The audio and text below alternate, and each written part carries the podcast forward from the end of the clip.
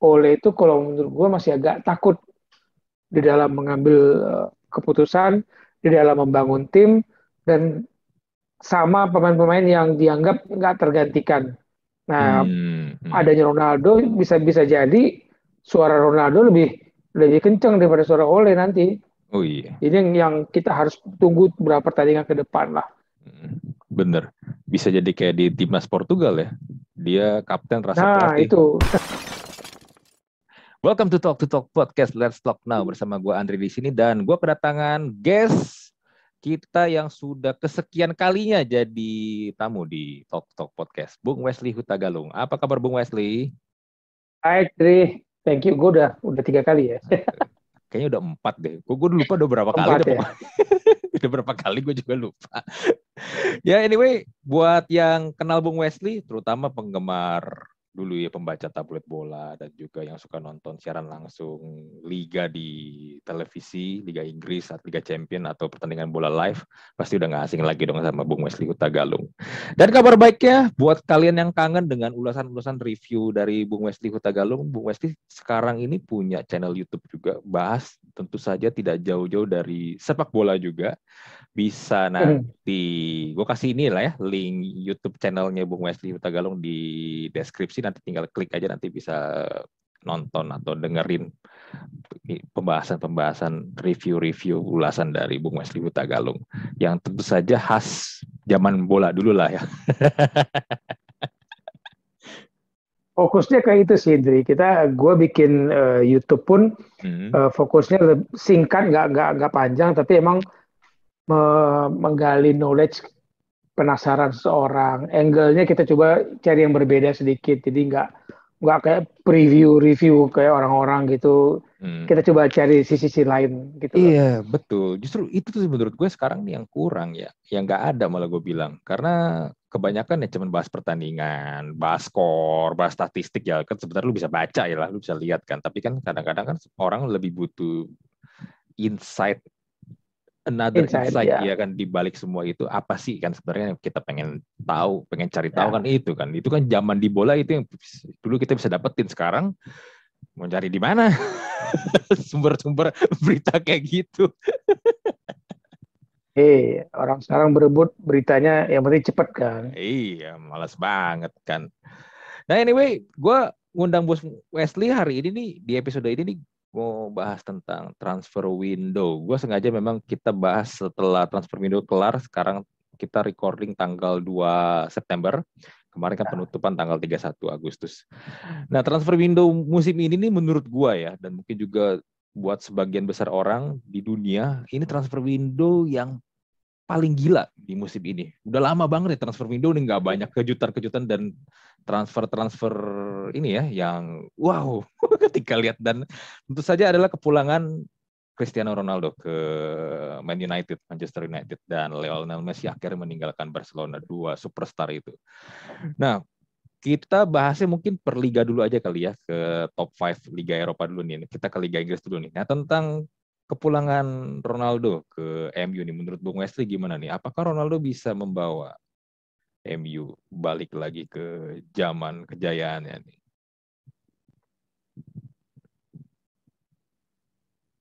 Ini yang jujur ya, jujur ini yang uh, membuat gue juga menyoroti uh, fans fans Man United gitu. Ya. Mm-hmm. Ronaldo itu satu pemain mm-hmm. Dalam komposisi strategi yang diatur oleh si pelatih. Kedatangan kepulangan Ronaldo bukan menyelesaikan semua persoalan yang dihadapi musim lalu oleh uh, oleh Gunnar. Mm-hmm. dan kedatangan uh, Jadon Sancho sebelumnya Rafael Varane di belakang itu juga bukan jaminan secara ofensif cuman euforia ini menarik lah untuk diikuti ya. Semua mm-hmm. fans MU mengatakan wow kita kembali eh come on Ronaldo bukan muda lagi Iya. Dan Ronaldo, Ronaldo yang kita kenal di zamannya dia bermain bersama Sir Alex kan beda mm-hmm. dengan tactical gamenya bersama Ole Gunnar. Itu yang gua soroti. Tapi untuk secara marketing Premier League bersyukur banget pulangnya Ronaldo itu iya. bersyukur banget karena perhatian lagi-lagi fokusnya kembali ke Premier League. Iya, betul. Sampai banyak orang sekarang mulai berlangganan ini ya, mola lagi ya. Yang tadinya nggak langganan mola TV, berlangganan mola TV demi nonton MU dan Ronaldo. Karena ada fans Ronaldo, ada fans MU, ada fans hmm. Ronaldo, ada fans Juventus. Itu fans Ronaldo ini mungkin ke mana Ronaldo ikut ya dia dia dia eh, apa ngikut ke mana Ronaldo pergi Ya, yeah. tadinya nggak nonton Premier League, nonton Premier League lagi. Secara yeah. marketing bagus banget sih buat Premier League. Hmm. Tapi secara tim berarti secara permainan belum tentu menjamin juga dong kepulangan Ronaldo ke MU ini ya. Ya, itu gue harus melihat dulu berapa pertandingan Ronaldo dengan tactical game-nya Ole Gunnar. Karena beberapa kali Ole itu kalau menurut gue masih agak takut di dalam mengambil eh, keputusan, di dalam membangun tim, dan sama pemain-pemain yang dianggap nggak tergantikan. Nah, hmm, hmm. adanya Ronaldo bisa bisa jadi suara Ronaldo lebih lebih kencang daripada suara Ole nanti. Oh iya. Ini yang kita harus tunggu beberapa pertandingan ke depan lah. Hmm, bener. Bisa jadi kayak di timnas Portugal ya. Dia kapten rasa nah, pelatih. itu. Pelatihnya kayak nggak ngapa kayak ngapa-ngapain di Portugal. yang milih eksekutor penalti Ronaldo juga gitu kan. Iya. Yang marah-marahin temannya dia juga bukan pelatih. Nah ini yang yang orang uh, harus lihat ke situ. Jadi hmm. euforia Ronaldo datang, yes, uh, fans fans uh, Man United sangat bersyukur. Penggemar Premier League uh, senang. Jualan jualan berita Premier League sekarang makin lagi. Coba kalau dia jadi gabung ke PSG kan gak enak beritanya. Iya. Liga Ada Messi Ronaldo satu tim Iya, Liga Prancis. Ya gitu-gitu aja dan hmm. nggak head to head sama Messi itu kan kayak ya berita sebentar, oh Messi bermain satu tim Ronaldo. Lawannya siapa? Gak menarik di, di, di, iya, diceritain. Iya, bener. Bener. Tapi ya kalau kita ngelihat evolusi dari seorang Cristiano Ronaldo ya. Ronaldo itu kan 2003 2004 kan join MU ya. Itu kan gue masih hmm. ingat banget tuh, masih kurus kecil, masih ceking, rambut masih panjang pakai bando berantak hmm. masih agak berantakan kriwil-kriwil dan gaya jerawatan. permain iya jerawatan nggak kayak sekarang lah ya itu power of money lah ya nah, tapi ya kalau lihat dia dulu dulu itu kan dia tipikalnya sayap banget ya pemain winger banget tuh gocek-gocek kanan ya. kiri lincah dia bisa main di kanan bisa main di kiri. Tapi dulu tuh kalau pas dia masih main di MU di awal-awal awal-awal dia masih main gue tuh suka sebel dia main. Maroknya tuh gila banget. Dan kalau dia nge-shoot kebanyakan bolanya ya itulah nggak tahu ke mana kan. Tapi ya pelan-pelan akhirnya dia berubah menjadi seorang winger tapi juga pencetak gol yang handal ya kan. Mulai musim 2006-2007 pas MU mulai juara Premier League lagi kan tiga kali berturut-turut Ronaldo mainnya udah mulai berubah tuh gocek-goceknya. Nah tapi akhirnya kan di Madrid dia pun masih mau bermain di sayap, ditaruh di kiri, lebih ke inside forward kan sebagai seorang sayap. Tapi kita lihat dia udah nggak terlalu banyak gocek ya, walaupun lari masih kencang ya. Dribble masih bisa, tapi tidak se inilah ya sel, selincah ketika dia, dia di, ah. MU. Nah di Juventus ketika akhirnya dia join di Juve itu sebenarnya Ronaldo udah boleh dibilang udah bukan seperti Ronaldo yang tadi Bung Wesley juga bilang seperti pas lagi zamannya Sir Alex masih ngelatih MU kan. Ronaldo itu ya tipikal striker banget jadi ya sekarang kan itu yang yang gue uh, mau mau omongin sih sebenarnya. Ronaldo mungkin beda-beda tipis sama Messi. Dia bisa memilih mau main seperti mana di mana gitu. Hmm. Nah, pemilik klub yang butuh sosok ikon uh, sebagai daya tarik, sebagai uh, apa ya uh, daya tarik untuk penonton dan dan sponsor, hmm. itu susah menolak. Ingat Messi dia nggak mau di posisi itu ada si Zlatan dia hmm. mau di posisi Zlatan hmm. tengah yang dibuang Zlatan kan iya. di Barcelona bener gitu nah ingat David Beckham uh, gabung dari MU ke Real Madrid hmm. dia mau nggak lagi sayap Bener. dia mau main agak ke tengah nggak mau lagi main seperti yang dia perlihatkan selama dia di Man United hmm. nah klubnya butuh pelatihnya juga oke okay. jadi racikan strateginya disesuaikan dengan kemauan si pemain ini supaya pemain ini yang Beckham sadar kalau dia main seperti di United ketika dipindah ke Madrid nggak akan sekencang itu lagi. Usia kan beda, lima tahun hmm. bermain dengan apa kecepatan tinggi, kemudian pindah uh, di Real Madrid yang tactical gamenya bisa dibilang jauh lebih variatif dibandingkan lawan-lawan di Premier League. Nggak bisa nggak bisa lagi bermain dengan gaya yang sama. Hmm. Nah dia ber, mengubah gaya bermainnya. Ronaldo pun pasti akan mengubah gaya bermainnya tidak sama seperti zaman di periode pertama dia di uh, Man United dan ini pasti jadi fans United jangan berharap lihat Ronaldo yang sama ya ketika uh, masih ada Sir Alex gitu. Iya. Gaya bermainnya pasti beda. Hmm. Nah, kalau di depan ada Rashford, mungkin Jadon Sancho, ada Cavani. siapa lagi yang di depan? Ada Cavani, ada Greenwood. Cavani. Greenwood yang menurut gue sebenarnya tadinya gue pikir Greenwood, Sancho sama uh, siapa? Uh, Rashford nih hmm. yang akan jadi jadi harapan karena uh, mungkin tidak ada lagi striker nomor 9 semua ikut bermain sebagai penyerang uh, bersama-sama kekuatannya. Nah masuknya Ronaldo last minute gini. Lu kebayangkan dari pusingnya si Ole? Sial taktik yang gue siapin berubah total. Nggak mungkin Ronaldo mau cadangan. Bener pasti. Dan nggak mungkin juga nah, pemilik pemilik klub gue udah beli udah pulangin Ronaldo Ronaldo masih cadangan iya kan gue butuh gue butuh masukan nih udah hmm. dua tahun tahun kemarin nggak ada duit dari penonton. Hmm. Nah kita butuh nih uh, penyeimbang uh, financial club. Masa lu cadangin juga pemain yang mendatangkan daya tarik orang udah datang ke stadion. Lu kebayang orang-orang dari Jepang, Korea atau apa sekarang pasti banyak datang ke hmm. Old Trafford karena daya tariknya Ronaldo. Hmm. Nah dicadangin nggak mungkin. Berarti ada ada proses sebulan dua bulan persiapan tactical game yang dilakukan oleh Ole akan berubah total ketika ada Ronaldo. Siapa korbannya? Ya untung Rashford masih cedera. Mm. Kalau Rashford nggak cedera, mm. kasihan banget loh Rashford.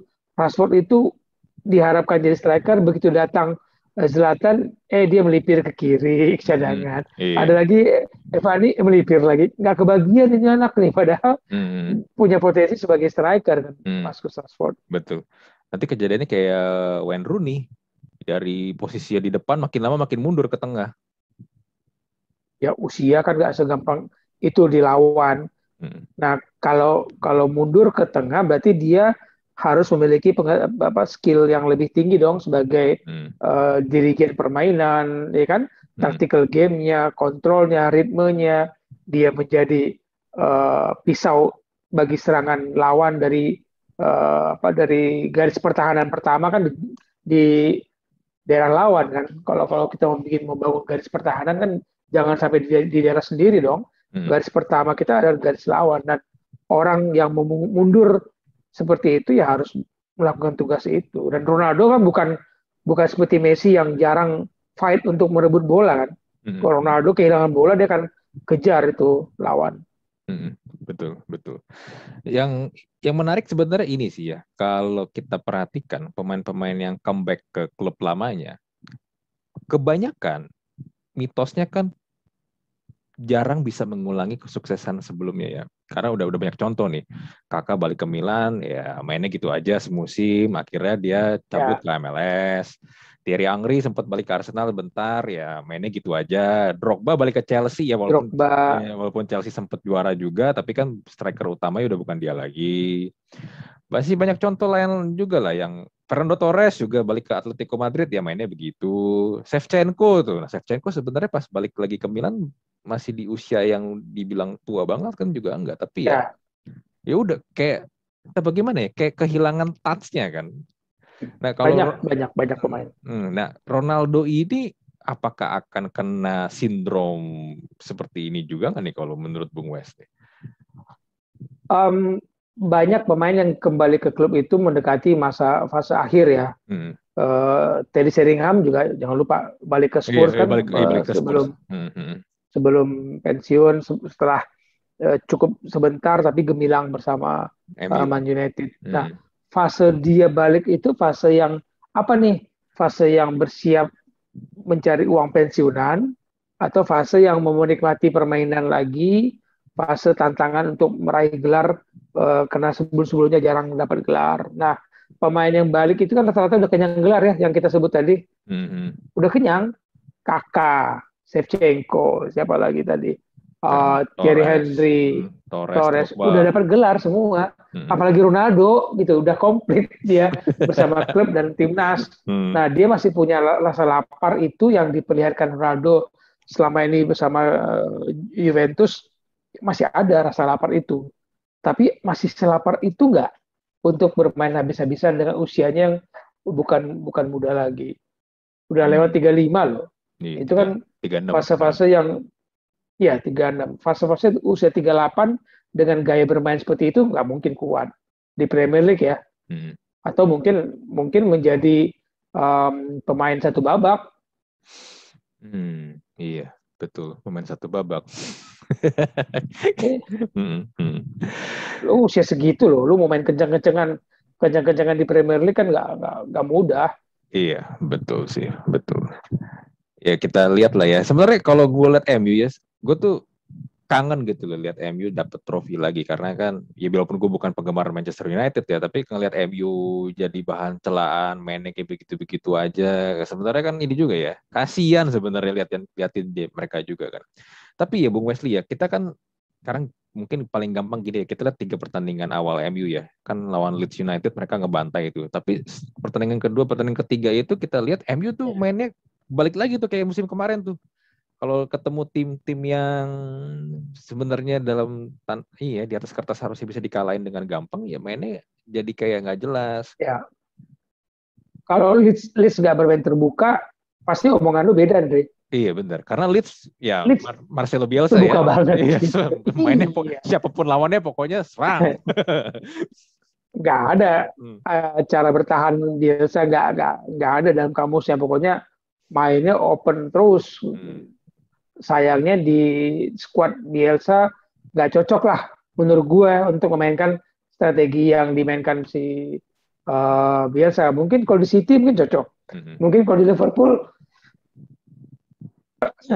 mungkin cocok di Liverpool. Mungkin di Chelsea mungkin cocok. Di Leeds nggak cocok pemainnya nggak punya kemampuan untuk memainkan taktik Bielsa. Nah, hmm, hmm. tadi menyangkut tadi lu ngomong pertama menarik nih lihat MU. Kedua ketiga lu lihat oleh. Nah bersama hmm. bersama bersama kenangan kita setahun semusim kompetisi kan ini yang kita takutkan. Hmm. Oke, okay, pembandingnya tadi lu ngomong kangen lihat uh, eh, MU apa meraih gelar juara. Pembandingnya jelas tetangganya lah.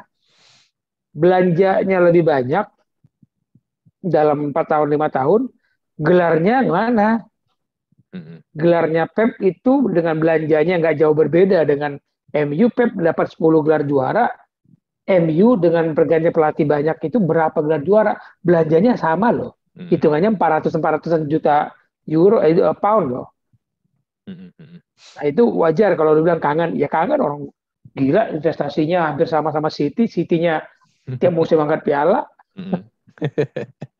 Jadi sebenarnya kalau gue bisa simpulkan dan gue lihat juga sebenarnya faktor X-nya MU ini nih macet ini sebenarnya bisa dibilang di oleh gak sih?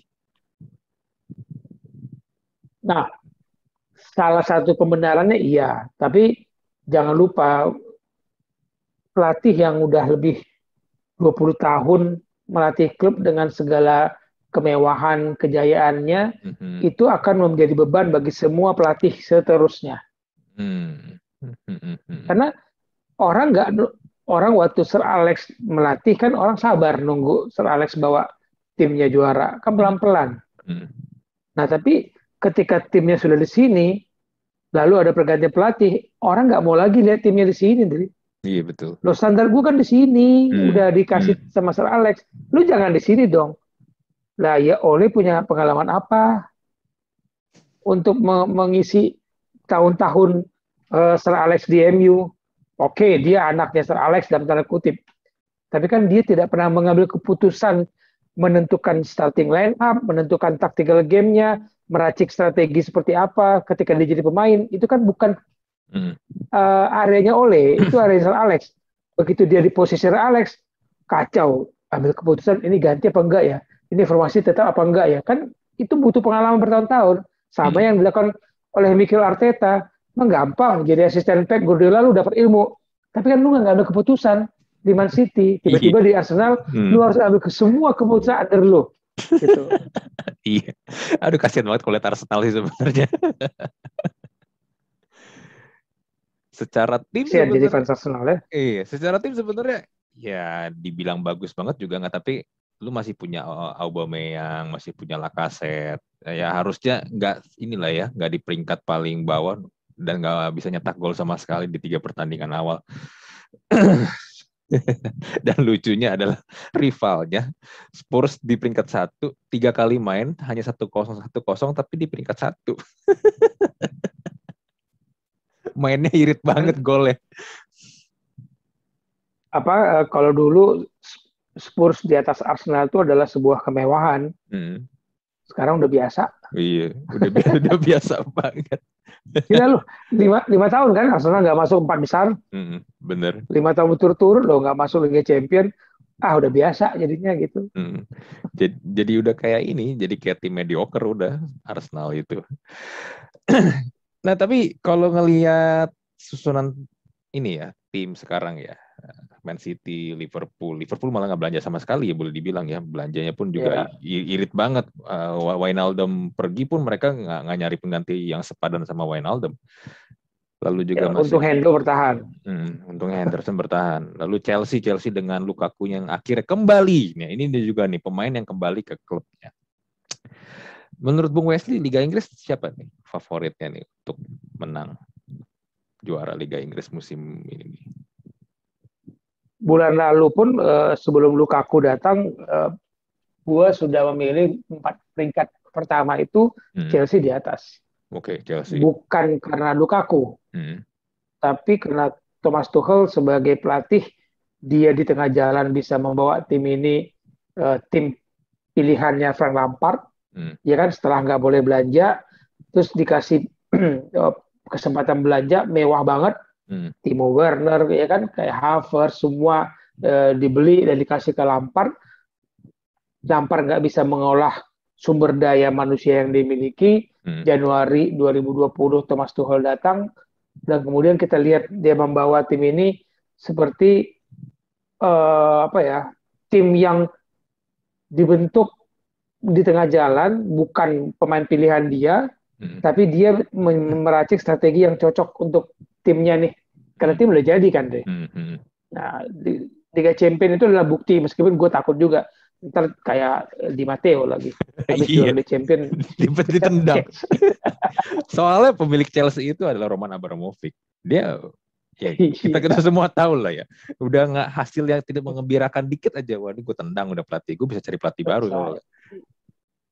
Iya.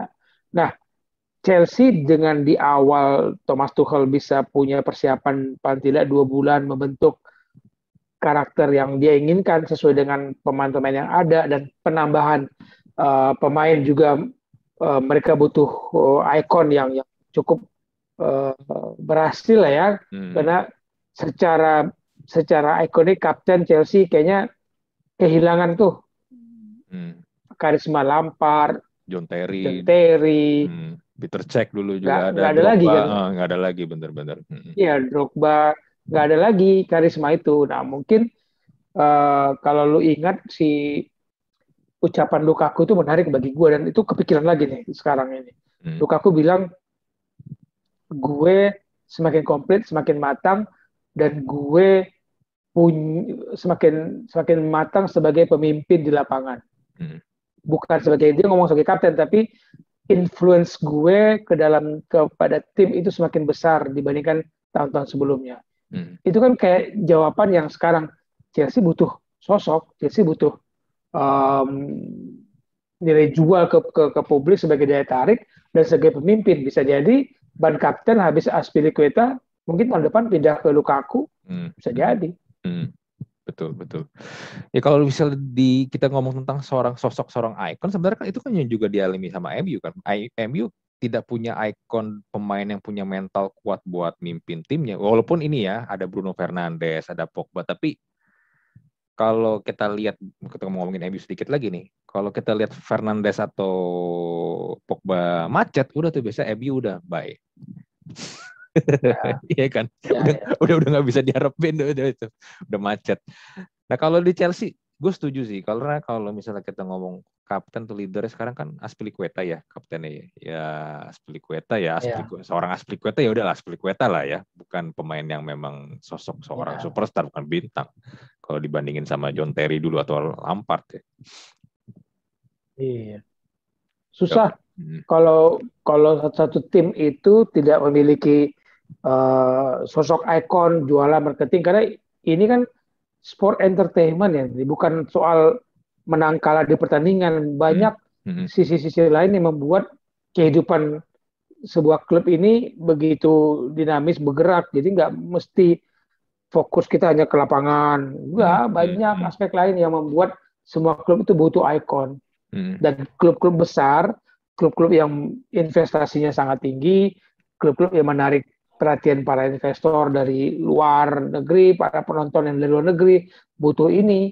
Nah makanya ketika Madrid membangun Los Galacticos sempat kan income dia nomor satu, hmm, meskipun ada utangnya juga, tapi hmm. pemasukannya luar biasa. Hmm. Bahkan di untuk mereka latihan itu gue pernah ke markas Madrid sebelum yang sekarang itu mereka menyewa markas latihan timnas Spanyol jauh banget gitu. Gue melewati perkampungan kayak Gipsy gitu. Itu banyak orang Jepang, Korea, Cina gitu dari airport itu bawa koper nonton latihan itu bayar berapa euro? 10 euro, 20 euro. Hmm. Habis itu mereka kerja nanti malamnya nonton bola.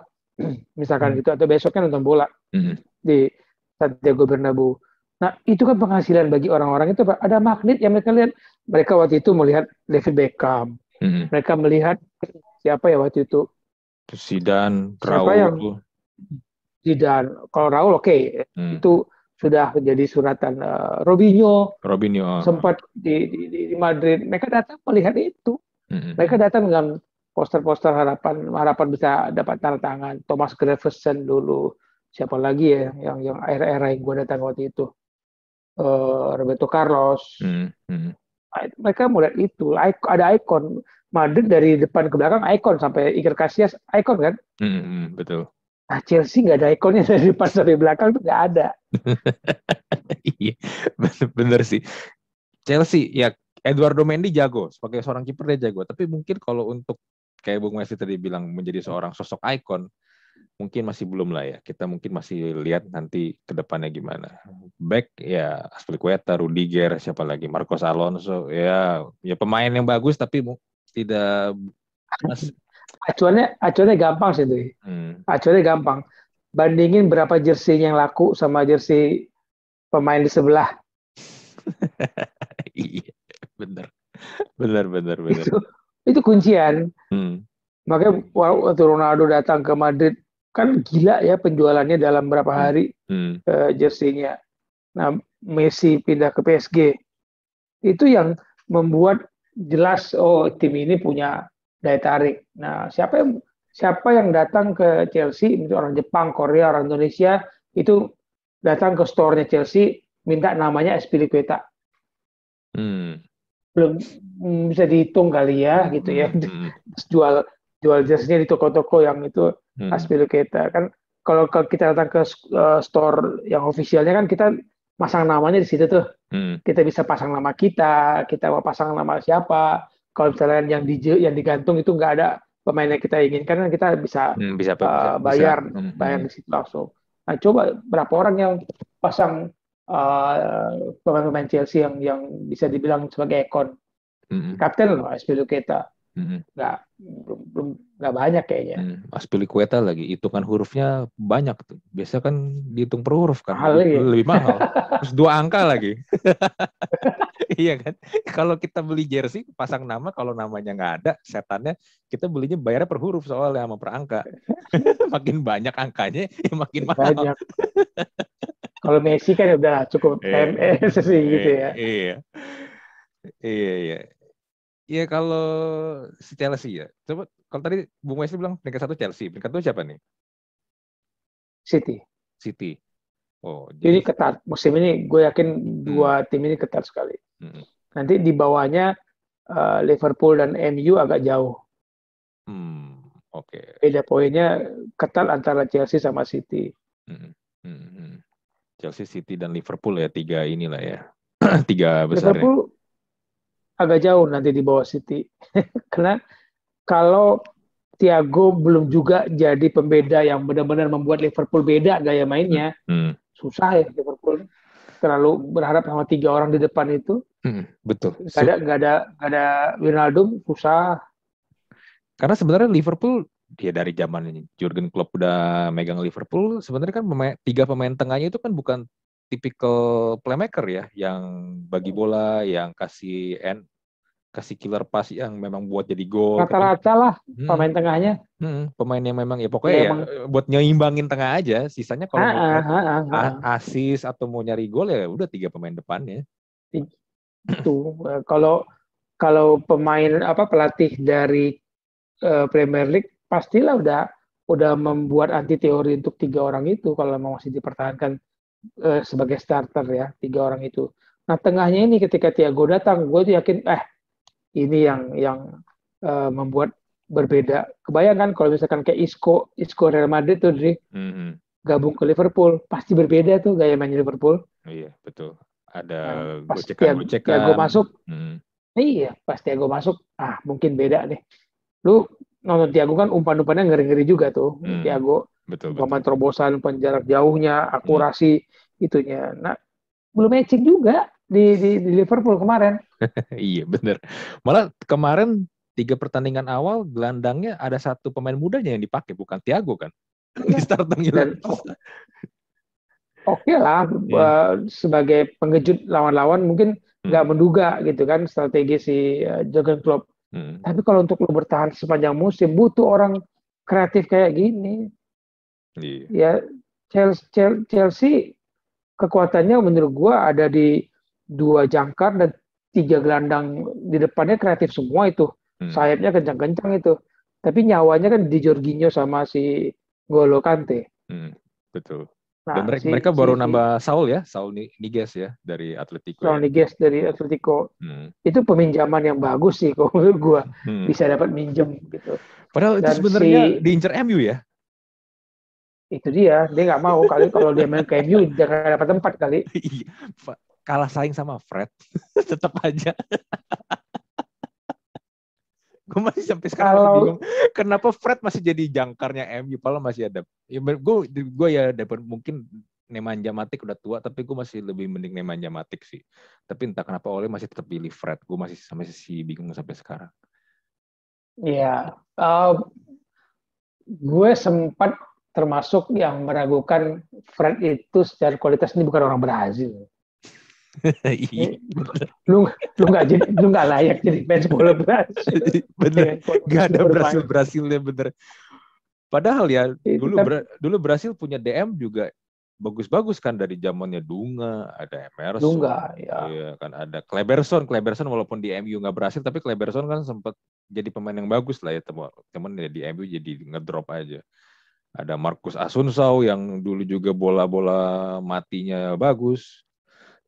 tapi ya. lihat Fred ya ya nggak tahu ya kalau Fred sebenarnya kalau dia ditandemkan kayak Kante dan Jorginho hmm. Fred hmm. dan Pogba selama konsisten cukup kuat loh sebenarnya Fred terbantu oleh Pogba Pogba terbantu perhatiannya uh, makin-makin orang ke Fred gitu nggak ke Pogba terus-terusan gitu hmm. kalau itu secara komparasinya tapi belakangan Fred cukup cukup dalam arti kata cukup membuat uh, oleh uh, agak tenang di tengah gitu. Karena dia tahu di depannya si Bruno bisa diandalkan. Yang penting di belakangnya di belakang Bruno Pogba bisa konsisten aja nggak uh, ke mana-mana gitu tuh sama Fred.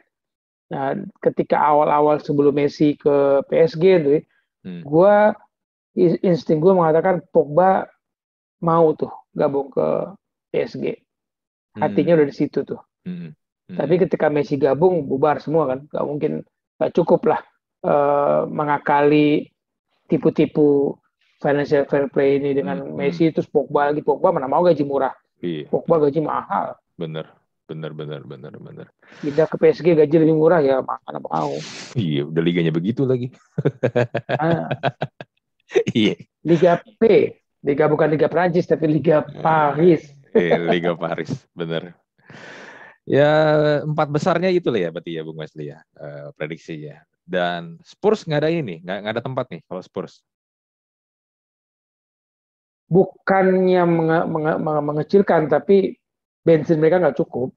Hmm. Kalau Harry Kane tiba-tiba pindah Januari, kemudian uh, Son cedera lagi, siapa lagi hmm. yang bisa menjadi apa motor kan kalau Harry Kane nggak ada Son yang ngambil alih kan take over hmm. peran hmm. uh, si Harry Kane. Dan hmm. kalau misalkan ada masalah kedalaman skuadnya nggak cukup sih. Hmm. Iya, bener. Dan kalau lihat tiga permainan mereka terakhir ya tiga pertandingan terakhir, Spurs ini mainnya gimana ya? Ya mainnya aman banget sih. Satu gol. Hemat tuh. Iya, satu gol udah pokoknya udah menang, udah cukup. Dan golnya pun tiga tiga golnya itu pun ya gol ya benar-benar ya udahlah gol yang lawan City kan. Ya Son gocek gocek gocek gocek shoot eh toto masuk.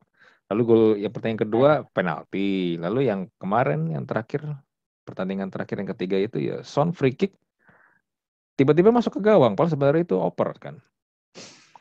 Ya, dan udah. Ke, ke, ke ketergantungan dan ke kepas-pasan kalau menurut gue kepas-pasan terlalu pas hmm. uh, formasi mereka oke okay untuk awal-awal begitu ada masalah nanti ada jumlah pertandingan makin banyak hmm. udara makin dingin uh, udara makin dingin itu kan kemungkinan cedera otot kaku otot hmm. itu kan cepat ya benturan itu akan sering terjadi hmm. jumlah pertandingan akan tinggi lagi internasional break internasional akan uh, membuat uh, pemain pergi pulang pergi itu tuh membuat nanti Spurs um, masih papan atas dari tapi bukan nggak untuk empat besar. Ya, Spurs akan tetap jadi seperti Spurs. Pasti, seperti... di atas Arsenal lah gitu. iya. uh, Leicester juga inilah ya paling akan kurang lebih senasib sama Spurs lah ya jadi ya. title contender tapi ya mungkin kita nggak akan tahu mereka bisa tembus empat besar atau enggak atau mungkin ya peringkat lima atau enam lah ya palingnya. Ya masuk delapan lah Leicester sih kalau gua dengan dengan Spurs ya. Hmm. Hitung-hitungannya Watford atau apa yang yang awal-awalnya nanti akan ngegas kenceng tapi kemudian uh, di tengah jalan ya lagi-lagi kedalaman skuadnya kayak West Ham ya hmm. maaf lah untuk sampai Oktober November lu masih oke okay lah di situ. Hmm. Tapi setelah itu ya kita akan lihat pemain kunci mereka ada yang cedera atau diganggu di bursa transfer di Januari ya selesai. Hmm. Betul. Ya mungkin West harus pinjam Jesse Lingard lagi mungkin untuk bisa menjaga performanya. ya, menurut menurut lu hmm. Lingard waktu sebelum di MU sama nggak sama Lingard di West Ham? Kan kembali ke pelatihnya kan kembali racikan hmm. racikan itunya itu yang membuat gue bilang belum tentu loh Ronaldo cocok dengan dengan oh. uh, yang dimauin sama Ole ya si Ole karena Ole Ole menyiapkan dua bulan taktik tiba-tiba Ronaldo datang nggak mudah loh hmm. untuk mengubah uh, apa uh, yang sudah dipersiapkan hmm. dalam dua bulan misalkan uh, tactical gamenya si uh, Ole hmm dia hmm. lawan lawan Soton aja kan satu-satu itu oke okay lah. Ya di kandang di kandang lawan. Tapi secara permainan gimana?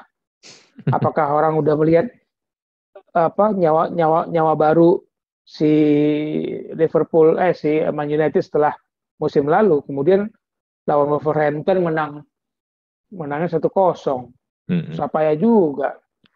Nah orang menunggu ada Ronaldo keren nih hati-hati gitu loh gue fans kepada fans United bilang hati-hati takutnya takutnya Ole nggak bisa memaksimalkan hmm. ke kehadiran Ronaldo dan kemampuan dia mengubah switch tiba-tiba ini tactical gamenya nih hmm. yang ada Ronaldo gitu ya itu yang yang apa hati-hati dengan ekspektasi berlebihan di kubu United. Hmm. Hmm. Sayang kaset gue benar jujur gue kasihan Greenwood kasihan jadi apa jadi Sancho dan kasihan Rashford kalau tiba-tiba skema yang harapan gue tadinya oh tiga tiga pemain ini enak nih tiga di belakang kan Bruno sama Fred sama Pogba. Hmm. Di depan Bruno ada tiga pemain itu tuh Greenwood, Rashford, Sancho. Hmm. Nah ada Ronaldo, ya yang tua deh, udah bagus-bagus tiga pemain muda depan tuh. Iya. Iya Dan kan, kalau Cavani iya. tahu lah, Cavani akan masuk sebagai pengganti gitu. Hmm, benar, benar, benar. Terus Dan Lingard di mana posisinya? Iya, Lingard juga udah jarang dimainin juga jadinya balik ke MU. Dan mungkin ini ya buat reminder juga buat fansnya MU ya. Ronaldo itu free kicknya udah tidak sebagus dulu. Di Juventus dia udah jarang banget nyetak free kick. Iya. Jadi olok-olokan bagi sama fans Inter, fansnya Milan. Jadi Hmm. olok-olokan itu. Hmm, Dan satu pertanyaan lagi tuh, hmm, Kalau ada penalti, siapa yang ngambil? hmm. Ya, kalau ngelihat semuanya harusnya Ronaldo yang ngambil sih. Nggak mungkin Bruno berani ngelawan Ronaldo. Nah, itu yang terjadi di Euro kemarin kan. Hmm, Bruno kayak nggak ada artinya tuh ketika masih ada Ronaldo. hmm, Udah jarang jadi starter. Begitu di dalam lapangan pun, kayaknya au- aura pertandingan tuh semua arahnya ke Ronaldo, benar. si Ronaldo gitu. Padahal orang berharap Bruno yang di MU muncul seperti Hmm, di Portugal. eh, di, di di Portugal ya yang yang di, di Euro kemarin jauh banget ekspektasi orang Hmm, eh, menjadi kenyataan. Nah, ketika ada penalti, orang kan olok-oloknya fans eh, fans MU kan gitu, Ndri. Ada voucher nggak nih? Voucher penalti buat MU gitu. Oh, Iya. masih ada voucher nih, masih Hmm. ada. Bruno masih punya. Hmm, Ya, yang penalti Bruno. hmm. Nah, kalau kalau sudah ada Ronaldo, ya moga-moga Ronaldo mau berbesar hati ya, karena itu bukan panggung utama lagi lah. Dia harusnya udah udah tahu usia dia nggak akan lama. Hmm, Dia sudah eh, memberikan tongkat estafet untuk yang muda-muda. Posisi dia di MU adalah A, B, C gitu. Lu nggak bisa lagi A, B, C, D, E, F, G gitu. hmm. Harusnya ada kesadaran ke situ sih. Hmm, ya. Mudah-mudahan lah ya. Cuman kayaknya gue sanksi sih. Kemarin aja dia Nah, itu lawan dia. lawan lawan Irlandia aja pas bol pas dia mau ngambil penalti bolanya digeser dikit sama pemain Irlandia langsung digampar itu pemain. Irlandia. Pemain, pemain ini kan pemain yang ambisius. Hmm. Latihan aja ambisius gitu. Hmm, hmm, apalagi di pertandingan. Ingat waktu di Madrid dia marah, ditarik keluar hmm, sama Zidane. hmm, bener. Meskipun ini kan kebutuhan tim ya, di- Hmm. akan ada pertandingan ber- berikutnya yang kita butuh lu sehat, jangan sampai cedera. Hmm, Bukan bukan tipe Ronaldo yang mau keluar pertandingan sebelum selesai. hmm, Nah bener. itu apakah dia akan ngasih penalti ke Bruno? Nah, Iya, bener. Nah, ini Liga Inggris. Liga Inggris kita udah hampir sejam nih. Ya kita singkat aja lah ya. Liga Spanyol nih. Liga Spanyol ke dua tim papan atasnya nih, Real Madrid, Barcelona. Boleh dibilang ini adalah musim di mana Real Madrid dan Barcelona tidak ada pemain bintang dalam tanda kutip icon sama sekali ya. mm-mm. Apakah Liga Spanyol gue akan muncul juara baru kah selain Real Madrid atau Barcelona atau Atletico? Atletico masih tetap akan jadi salah satu favorit juga sih. Um, kalau boleh nyombong ya, eh, meskipun lu nggak tahu kenyataannya, tapi Hmm. pernah gue bicara di Metro TV. Hmm. ketika itu ditanya prediksi beberapa pandit ya ada lima apa Hmm. gue jawab Atletico Madrid Hmm. nah sekarang dengan baliknya si Griezmann makin gue bilang eh, bulan lalu bulan lalu gue sampai ngotot-ngototan tuh sama Justin Hmm. karena Hmm. dia yakin yang juara bukan Atletico sementara gue bilang gue masih yakin eh, Atletico bisa back to back Nah Hmm. begitu ada Chris Griezmann datang makin jadi-jadi gue gue makin makin kuat sama Atletico. Barcelona masih akan berjuang Hmm. dengan eh, situasi baru mereka gitu. Real Madrid masih belum menemukan eh, apakah Vinicius Junior ini benar-benar the next legendnya Real Madrid Hmm. Itu belum belum belum nemu sih di, di Hmm. Barcelona pun juga begitu kan. Hmm. kita nggak tahu nih apakah eh, tanpa Messi kemudian bisa bisa hidup lagi nih si Barcelona seperti kita tahu cara bermain mereka yang eh, luar biasa lah.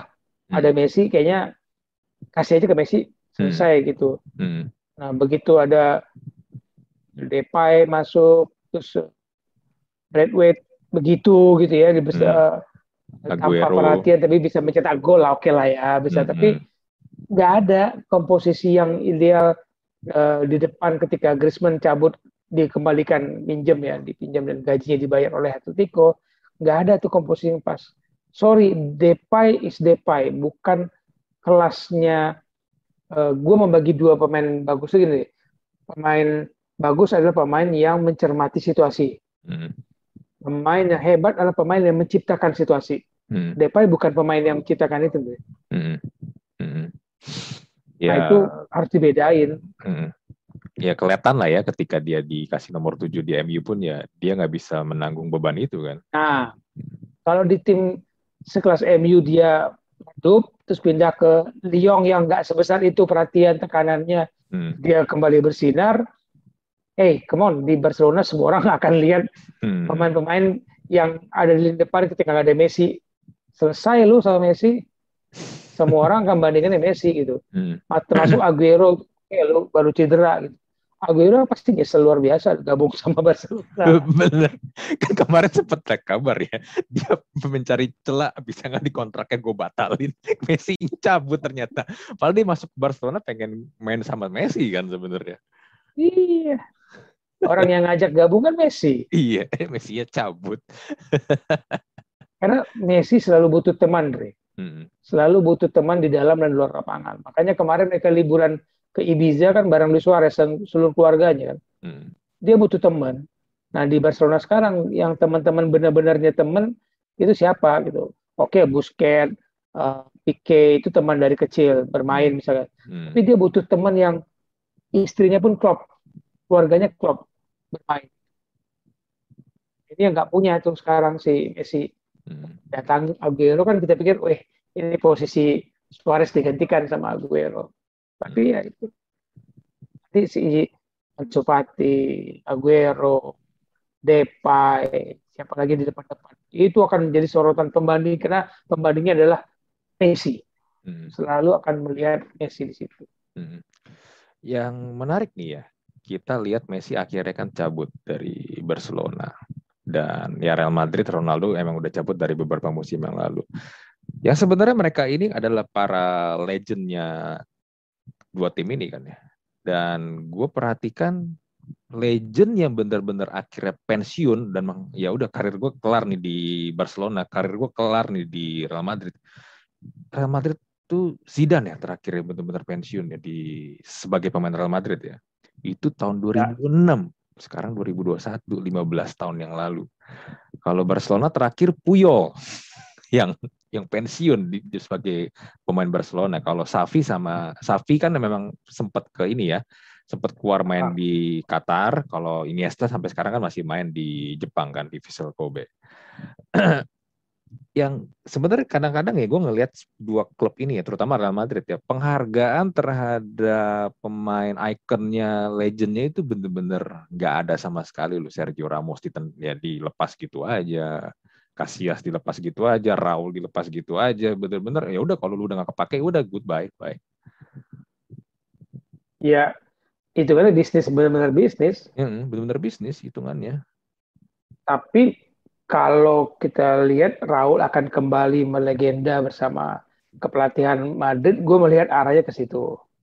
Raul hmm. ya. Hmm. Uh, kalau Safi kayaknya akan kembali ke Barcelona sih, hmm. Xavi Hernandez. Hmm. Cuman tadi pembandingnya emang Sergio Ramos. Ramos masalahnya um, Ramos itu kan bukan asli Real Madrid ya. Iya, benar. Dia dari Sevilla sih.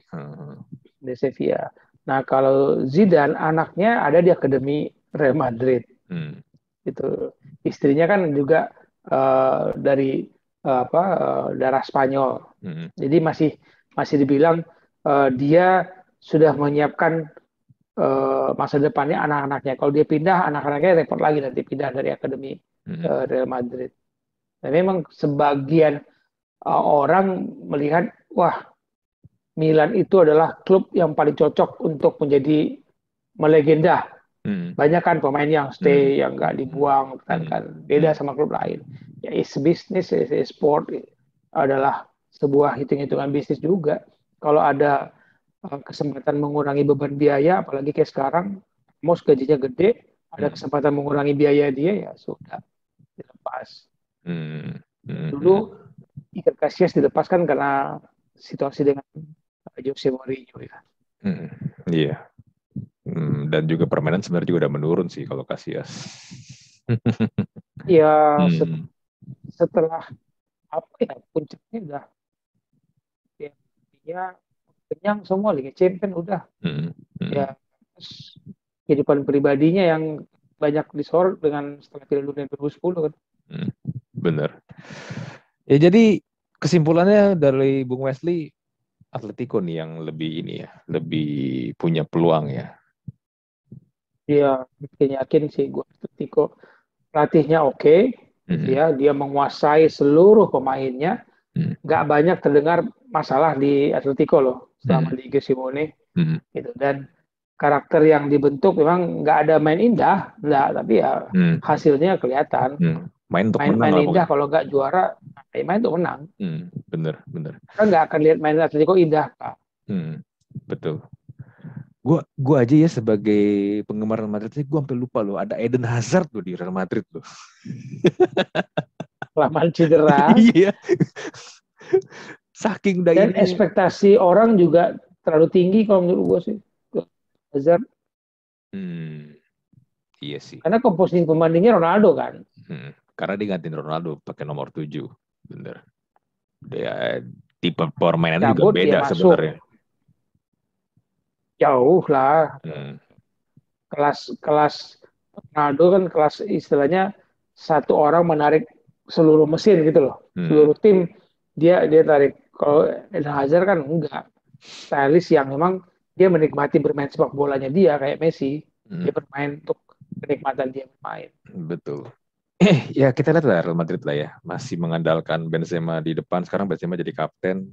Ya, gua tapi ya Ya. gua gua gua nggak bisa berharap banyak sih kalau lu ngandelinnya Benzema, Gareth Bale yang balik lagi dan Ya, Gareth Bale akan bersinar pada saatnya, tapi bukan selama diharapkan gitu.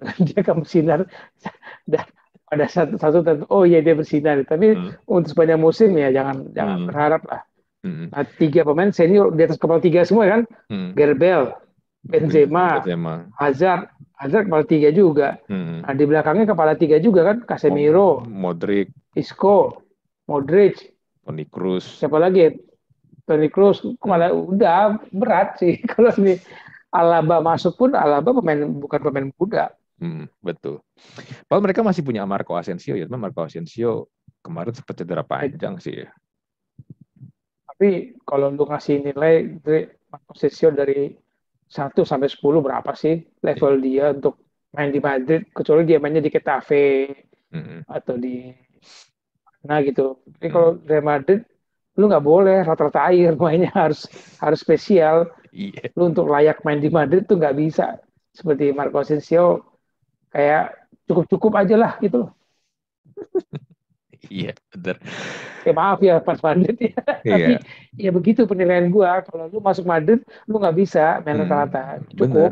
Gua Madrid aja, adalah Madrid. hmm, gua aja khawatir apalagi lihat backnya ya. Sekarang backnya siapa sih? Setelah Sergio Ya. Keluar, sama Varane keluar, Oh, Eder Eder Militao, Nacho. iya.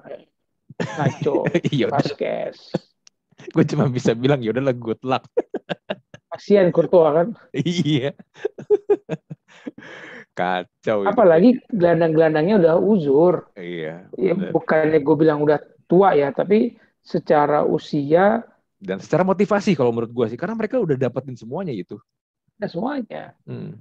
Karena untuk menjadi pemain yang apa, eh, fighter pemutus serangan kayak Madrid seba, sepanjang gua kenal Madrid, Makelele nggak tergantikan sebagai gelandang yang membuat keseimbangan itu.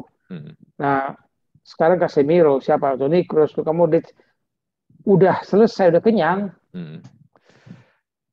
Ya, best of luck lah buat Real Madrid dan Barcelona. nah, kalau ke Liga Italia nih, kita kita melipir sebentar ke Liga Italia. Liga Italia, Bung Wesley melihatnya gimana nih? Ada Mourinho sekarang di AS Roma. Menarik ya.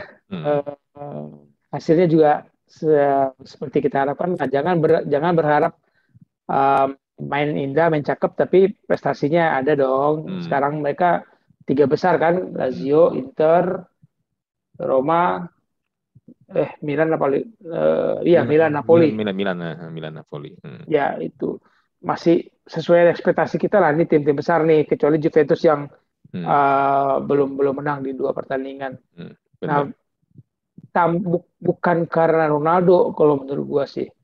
Jadi, karena emang situasinya orang kan lihat uh, Juventus dengan segala kehebohan orang menganggap pelatihnya juga harusnya nggak nggak uh, harusnya ganti sih gitu ya. Hmm. Uh, mereka mengambil Pirlo kemarin itu terlalu riskan, kemudian mengubah lagi uh, situasi komposisi di di timnya. Nah, tanpa Ronaldo, mau nggak mau bebannya ada di siapa? Kesa kan, yang hmm. yang hmm. hmm. yang dulu mungkin masih ada di balik di bala sama Ronaldo. Sekarang orang kalian Kesa dengan keberhasilan dia bermain cukup bagus di Euro. Hmm. Nah, harusnya dia bisa bermain bagus mengganti posisi Ronaldo. Tapi nggak mudah. Di belakangnya siapa? McKinney, yeah. Danilo, Rabiot. Bener. Masalahnya Juve tuh tengahnya tuh, aduh. Beda ya. iya. Jangan bandingin pas zaman masih Pirlo main ya. Itu masih Iya, beda banget. Beda banget. Pemain tengahnya tuh aduh kalau misalnya lu main FIFA pun juga lu males pasti pakai Juve. iya kan? Mungkin Bonucci boleh lah pemain belakang gitu ya. Iya, iya tapi tetap aja pemain tengahnya begitu. Tengahnya enggak apa lagi ya? Enggak, hmm, enggak ada enggak ada yang bisa diharapin. Ya mungkin sebenarnya Inter kemarin juara pun ya memang karena Inter memang secara kualitas memang lebih bagus. Itu nggak bisa bohongi pelatihnya hmm. paham mau diapain tuh skuadnya. Anak hmm. pemain baru gabung dari Premier League asli uh, asli yang Lukaku bisa cepat beradaptasi dengan gaya main sepak bola Italia itu kalau bukan karena pelatihnya hmm. itu hmm, betul. Benar benar ya gue sih kalau lihat Mourinho di Roma ya ya mungkin Mourinho bisa bawa Roma juara juga. Who knows gitu karena kan di hmm. Itali di Italia ini boleh dibilang komposisi timnya yang sekarang lagi ini ya di top 4 ya kurang lebih sama kan. Kita kita nggak bisa bilang Juventus akan mendominasi seperti kemarin yang bertahun-tahun bermusim-musim juara terus. Ini tahun. Sembilan tahun berturut-turut iya. Ini akan beda banget nih. Karena Liga Liga J namanya kan? Hmm, Liga Juventus. Iya. Ya Itali kalau Itali gimana Bung Mas? yang kalau lu mau ngomong Roma ya. Hmm. jujur gue kaget ketika siapa pemain Chelsea? Temi, Temi Abraham. Temi Abraham. Pindah ke wah nekat gitu.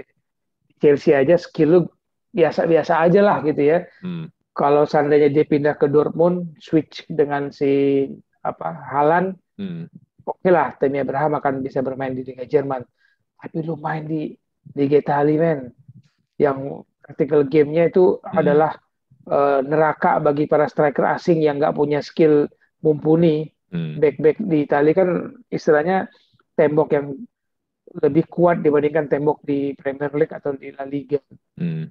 Temi pindah dan jadi apa ya? Jadi harapan orang-orang dari juga sih gue sama sama fans Roma. Berapa lama Temi akan, akan bagus? iya. Ya, tapi sekarang kalau mereka mau gaet pemain lagi siapa? Roma masalahnya juga bukan tim yang banyak duit juga kan? Ada duit lah orang Italia mah. Iya. Milan aja minjem dulu. Hmm, bener. Pemain minjem, status hmm. pinjam, status pinjam. Gak ada duit orang Italia. Hmm. Ya, tapi kita, kita lihat lah ya. Main. Hmm.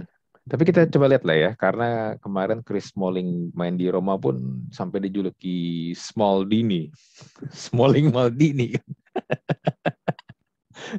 Kita lihat aja siapa tahu. Itu termasuk pemain-pemain yang menurut gue uh, berhasil di United tiba-tiba kok jadi kokoh gitu ya hmm. di, hmm. di negara ada adaptasinya mengikut ke pelatihnya. Jadi lagi-lagi gue bilang pemain sebagus apa pun kalau dia nggak cocok sama strategi pelatihnya atau pelatihnya nggak bisa membangun atmosfer yang cocok untuk si pemain ini hmm. yang susah berharap pemain pemain apalagi dari pemain Inggris ya main di Italia susah bener pemain Inggris ya cuman ini doang pemain-pemain yang rame di media doang ya kan overrated rata-rata kan ngomongnya begitu ya harga ketinggian hmm.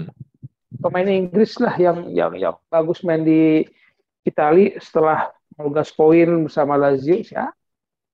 Siapa? Yang, levelnya bisa istilahnya sesuai dengan harga jualnya lah.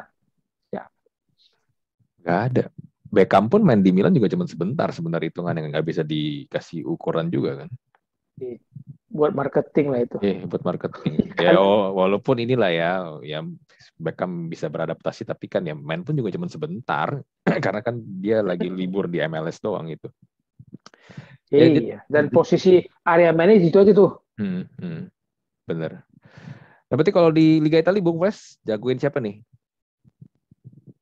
Um, masih Inter sih. Masih Inter ya?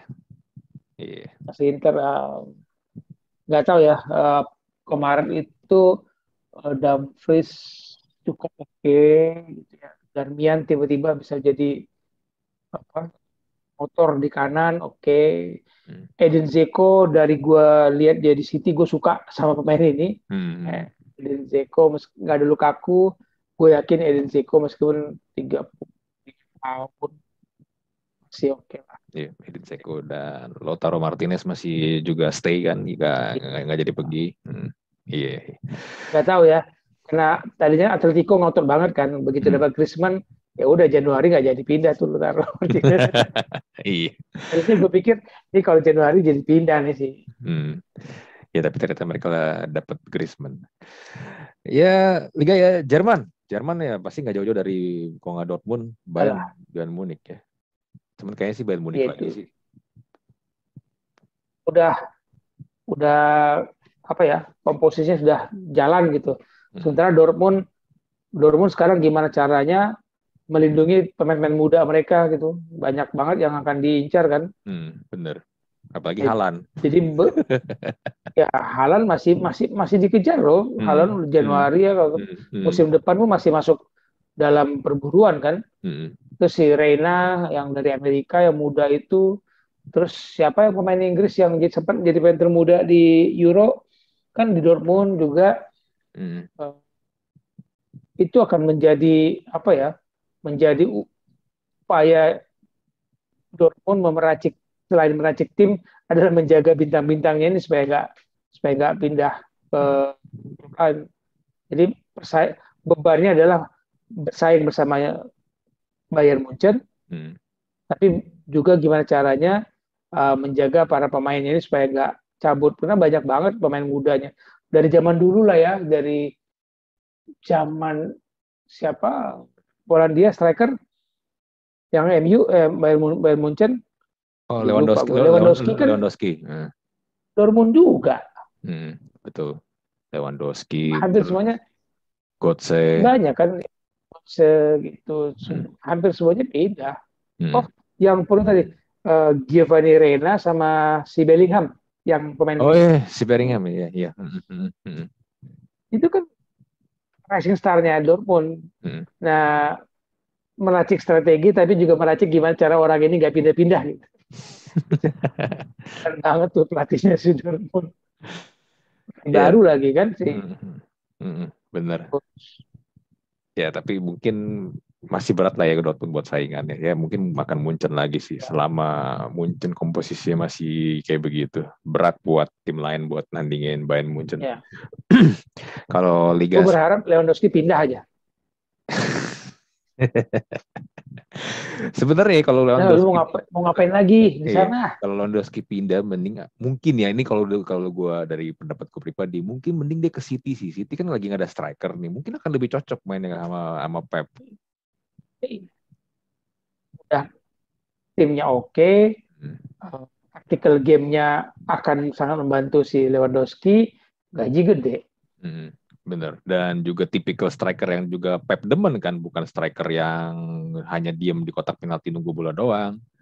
Lewandowski itu kan cocok sama sama Pep. Terus. Hmm, bener. Ya kalau Liga Prancis, ya lah ya PSG lah ya. Kalau PSG sampai nggak juara sih keterlaluan. kalau masih kayak musim lalu ya iya, juara itu. itu keterlaluan. Berarti memang Pochettino, Makanya gue pernah itu nggak bisa jadi juara. itu di gue pernah ngasih di, di YouTube gue itu ya gue hmm. ngasih tahu hmm. kapan Pochettino dipecat. Uh, bukan bukan soal pemainnya, kapan hmm. Pochettino dipecat? Hmm. Hmm. Karena pengganti sudah ada. Ya dong, penggantinya udah jelas dong. Hmm. Timnas Prancis udah cukup lah. Hmm. Deschamps. Iya, Atau jadi, Zidane lagi nganggur. Iya, Zidane lagi nganggur. Eh. Iya. Atau mungkin Laurent Blanc tarik balik lagi juga. iya. Eh, kalau Zidane tuh Bordeaux ya, bukan? Iya, Zidane Bordeaux dulu. Dia di Bordeaux kan. Ya, tapi semua orang akan melihat bagaimana Zidane dan Messi sempat bermain bersama terus menjadi rival satu dilatih pelatih satu di pemain gitu ya terus hmm. bergabung lagi bersama Ramos di dalam tim gitu hmm. wah ada di Maria ceritanya banyak tapi tentang PSG aja bukan hmm. tentang pertandingan musuh uh, opposite-nya gitu tapi tentang mereka aja gitu. Iya, dan kalau ketemu di Liga Champion baru menarik tuh. Jadi Zidane pemain-pemainnya wah keren. Untuk berita keren sih. Hmm, bener ya kalau masing-masing liga harusnya udah kelihatan lah ya. Cuman mungkin kalau untuk Liga Champion ini yang menurut gue susah sih buat di lebih susah diprediksi ya. Karena ya sometimes kalau udah main turnamen gitu faktor luck itu bermain juga sih ya. Nggak, kita kadang-kadang nggak bisa bilang sih ya. Kemudian mempengaruhi hmm. langkah selanjutnya kan? Bener itu juga. Apa nggak kurang berat itu Milan? iya. Ya, Milan ya Milan akan tetap seperti Milan seperti biasa lah ya. Susah sih kalau ya. untuk jadi seperti juara lagi kayak sebelum-sebelumnya. Angka bergembira aja lah. Iya, di angka 7 itu mungkin akan lama sih untuk bisa jadi 8 kalau untuk Champions League ya. Lama sih. Kalau selama mereka belum bisa bangun tim ulang dari dari apa finansial yang kuat berat sih. Hmm. Nanti jangan-jangan nggak lolos Atletico, Liverpool, Porto bisa jadi Milan nggak lolos sih. Hmm. Iya, berat kalau Milan. ya, ya mudah-mudahan inilah ya dengan transfer window kemarin itu banyak perubahan, banyak kejutan-kejutan. Gue harap sih di musim ini juga ini ya banyak kejutan dan juga jadi lebih seru ya. Ya tapi untuk beberapa liga mungkin nggak akan seru sih karena udah ketahuan lah ya kayak Liga Perancis kalau kalau kalau kita nggak memprediksi PSG juara, hmm. ya itu tadi gue bilang edisinya kapan Pochettino dipecat di pekan keberapa di bulan apa gitu. Hmm. Karena gue nggak yakin kalau hasilnya jelek gitu ya hasilnya nggak menghibur, mungkin menang pas-pasan nggak menghibur, nggak cukup karena eh, sebagus apa pun pemain-pemain itu mereka butuh pelatih yang bisa menguasai dan punya punya track record yang mumpuni untuk mengontrol bintang-bintang besar ini. Hmm. Pochettino gelarnya apa untuk menangani Messi? Iya, bener. Paling mentok juga finalis Liga Champion kan Pochettino. Iya. So, so far. Zidane kan pas tuh. Mau sombong apa Messi? Zidane lebih sombong lagi. Iya, lu pernah nggak? Secara jum, jangan jumlah gelar, tapi hmm. kejuaraan apa yang lu nggak punya? Ya. Hmm, hmm. World Cup gue punya. Iya kan? Apa punya. Hmm. Champion punya. Champion punya. Gelar domestik di mana-mana juara gitu. Hmm. Juve di Madrid ya Messi Messi ya akan akan hormat tapi Pochettino uh, hasilnya bagus sih nggak masalah hmm. kayak Mourinho kan hasilnya bagus nggak masalah orang nggak nggak ikan ingat Mourinho siapa sih gitu sebelumnya nggak bukan bukan main bola yang benar-benar pro selevel klub yang dia latih. Mm-hmm. So hasil hasil klub yang dilatih oke, okay, orang orang nggak akan ingat basicnya dia. Mm. Betul betul betul. Ya semoga lah ya liga musim ini kita seru lah ya kita sebagai penonton sebagai penikmat mudah-mudahan sih ya kita dihibur Seruannya itu tidak lagi seperti awal pandemi yang kalau menurut gua banyak skor-skor yang kurang ajar di awal pandemi. Hmm. Skor-skor yang nah gitu ya. Hmm. Kalah 2-6, kalah-kalah yang aneh-aneh gitu karena hmm. kecurigaan gue di situ. Ini skor yang nggak benar karena ada permainan. Nah, sekarang ini kita masuk ke udah mulai skornya kita mungkin akan jarang lihat skor-skor yang aneh-aneh kayak MU kalah kemarin, hmm. Liverpool bisa kalah kemarin kayak seperti kita akan jarang lihat seperti itu musim ini. Hmm. Insting gue mengatakan skor-skor gila udah lewat. Hmm. Betul. Dan mungkin juga buat para pemain FPL harus mulai merombak timnya lagi nih Fantasy Premier League karena udah hmm. banyak pemain baru. Gue sih udah masukin Ronaldo ya ke tim gue ya. Yang mudah-mudahan sih Ronaldo ada hasil ya karena harganya mahal sekali 12 setengah. Cristiano Ronaldo. Untung lu ingatin, gue lupa update dua minggu. dua belas setengah harga gila Cristiano Ronaldo. Dan dua belas setengah ya? Iya, iya. Dan mungkin sekarang yang dinantikan adalah apakah Ronaldo akan pakai dapat kompensasi, dapat dispensasi gak dari Premier League bisa dapat nomor tujuh atau enggak? Karena kan Daniel James sudah pindah ke Leeds nomor 21 kosong kalau jadi kan Cavani pakai 21, Ronaldo nomor 7. Ya kita lihat aja lah ya, apakah dikasih atau enggak sama Liga Inggris. Kalau enggak, ya kita akan lihat Ronaldo dengan nomor yang berbeda. Ya Beckham bisa kok. Jadi no menghidupkan nomor 23 kan? Iya. 23, 32 dia pernah pakai kan, dia hmm. hidupkan. Hmm. Ya kita lihat lah ya gimana nanti ke depannya. Oke deh Bung Wesley, thank you banget buat ngobrol-ngobrolnya. Kalau ngobrolin bola memang nggak akan ada habisnya satu setengah jam. Oh, iya. Kita ngobrol sejam untuk Liga Inggris spesial loh. Lebihnya baru liga yang lain. liga liga penuh dengan kehebohan pemberitaannya. Jadi jangan ngomongin soal kualitas permainan dulu kalau Liga Inggris. Hmm. Heboh hebohnya di pemberitaannya. Iya benar. Emang emang emang ini apalagi ini gue ya, gue jadi tertarik juga nonton Liga Inggris pertandingan yang bukan pertandingan tim-tim besar juga karena satu memang media dan juga fantasi Premier League. Mereka itu emang pinter banget meracik itu semua sehingga jadi lu pengen nonton lu harus jadi liatin pemain pemain yang mungkin lu sendiri juga nggak pernah lihat penampakannya kayak gimana tapi lu tapi lu beli lu pakai karena lu, lu pasang di tim lu. Iya.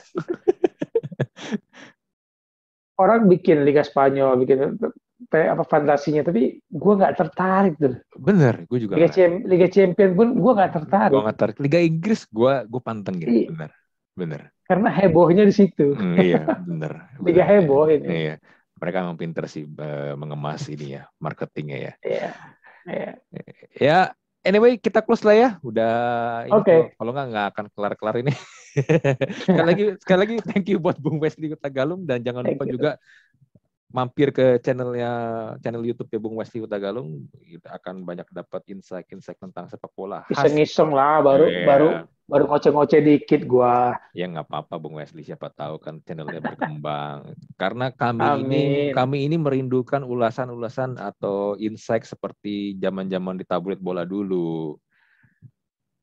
Moga-moga masih banyak yang suka begitu ya. Iya, itu yang kami rindukan sebenarnya apalagi buat para ini ya, para pembaca lama, picis dalam tanda kutip para pembaca tua dan senior. Oke, kita close lah ya. Oke. Okay. Gua Andri, gua Andri dan Bung Wesley Hutagalung mohon pamit. Kita jumpa lagi di Talk to Talk podcast episode berikutnya. Bye.